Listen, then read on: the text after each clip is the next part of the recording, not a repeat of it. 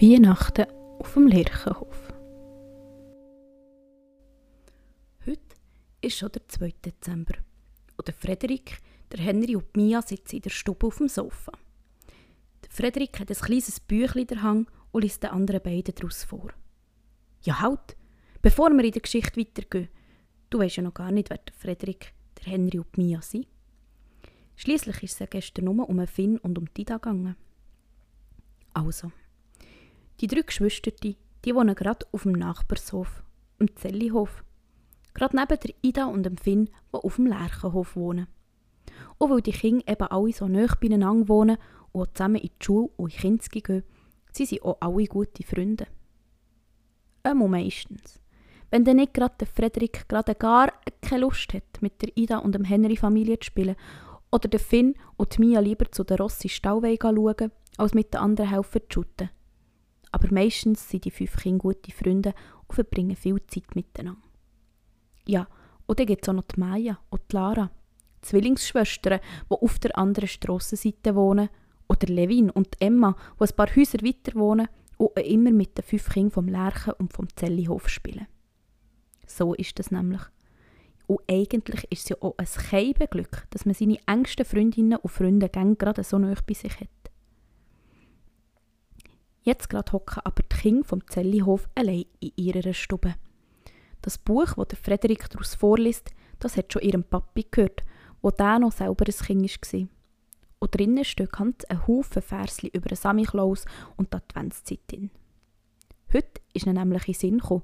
Es ist ja nur noch vier Tage bis zum Samichlausentag und sie haben noch kein Versli, das sie auswendig gelernt haben, um Klaus vortragen.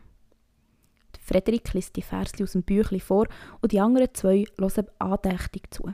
Von ihnen hört man ab und zu ein Kichern oder ein «Noch eins, noch eins!»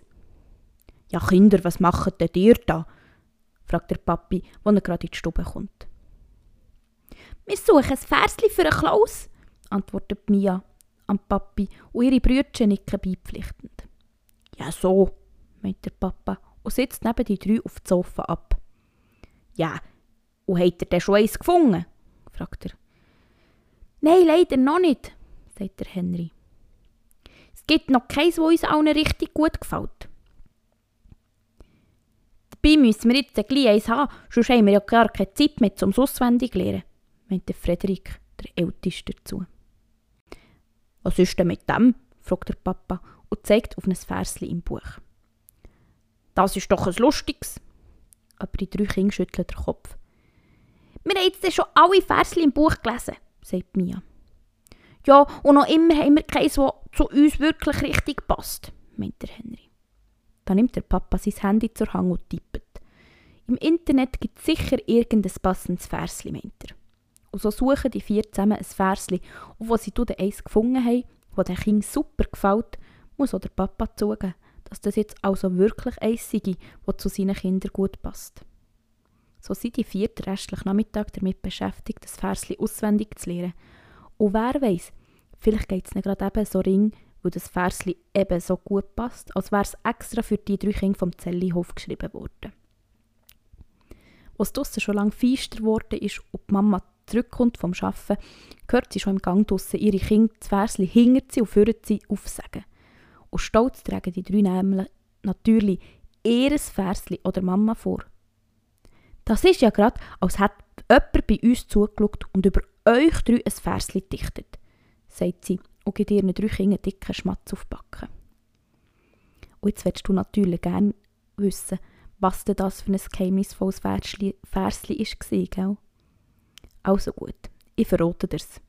Ich glaube nämlich, das könnte auch ganz gut zu dir passen. Ich putze nicht gerne die Küche helfe nicht so gerne im Garten, bin ungeduldig und man manchmal kaum auf etwas warten. Bin nicht nur fleissig, bin manchmal auch gerne faul. Ich weiss, lieber Klaus, das findest du nicht so cool. Ich bin nicht immer schnell und schon gar nicht immer die Beste. Ich tue jeden Tag Neues lernen, gebe mir Mühe dabei, und zwar fest. Habe Dreck unter den Fingernägeln, laufe öppe mit den Schuhen ins Haus. Manchmal vergesse ich etwas und mein Zimmer sieht selten super aufgeräumt aus.